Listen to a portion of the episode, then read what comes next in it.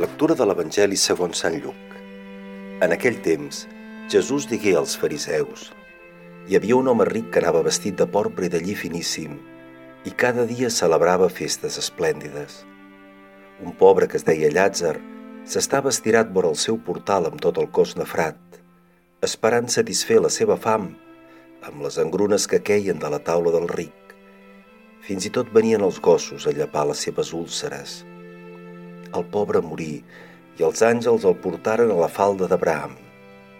El ric també morí i el van sepultar. Arribat al país dels morts i estant en un lloc de turments, alçar els ulls, veié de lluny Abraham amb Llàtzer a la falda, el cridà i li digué Abraham, pare meu, apiada't de mi i envia Llàtzer que mulli amb aigua la punta del seu dit i em refresqui la llengua, perquè sofreixo molt enmig d'aquestes flames. Abraham li respongué, Fill meu, recorda't que en vida et van tocar vents de tota mena i a Llàtzer mals, però ara ell ha trobat consol i tu sofriments. Pensa també que entre nosaltres i vosaltres hi ha una fossa immensa, tant que si algú volgués passar del lloc on jo sóc cap on sou vosaltres no podria, ni tampoc del vostre lloc al nostre.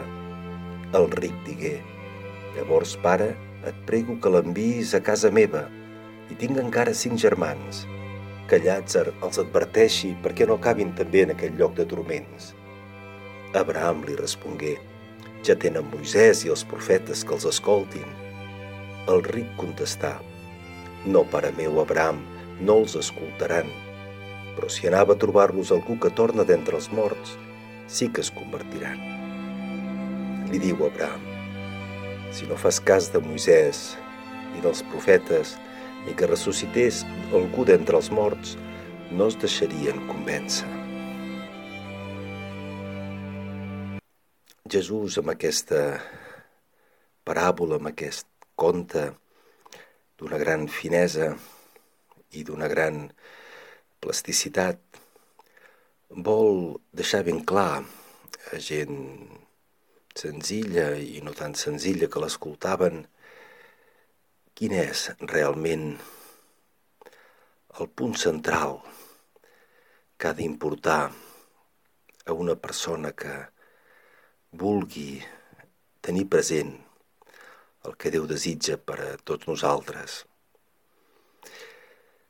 I es tracta de ser sensibles, de ser sensibles els que tenim a prop, de, de ser sensibles els que tenim a la porta de casa. És això que, sobretot, critica durament Jesús d'aquest home ric que només vivia centrat en el seu, en la seva bola de cristall, tota mena de, de proteccions i, i no s'adonava de qui estava patint tan a prop seu i que ell d'una manera molt senzilla hagués pogut ajudar. Tots tenim persones a prop que pateixen i ben segur que alguna cosa podem fer. No podem arreglar i solucionar els problemes de tothom, la fam del món, les injustícies tremendes que, que se succeeixen en tants llocs. Però sí que hem d'estar atents. Aquí tenim prop de casa, a la porta de casa d'una manera o una altra, i ara també amb tots els mitjans que hi ha i la realitat virtual que ens fa el món sense tan proper, certament aquesta porta de casa també s'ha extès molt que siguem sensibles avui i sempre aquells que, que pateixen i que podrien patir una mica menys si nosaltres féssim el que està al nostre abast. És això el que Déu vol, no tant que tinguem por del que vindrà després, sinó que ens comprometem realment eh, a fer millor el món on vivim. I si, si fem això, després ja ja ens trobarem habilitats per entrar en aquell lloc de fraternitat i de, i de condivisió que és el cel.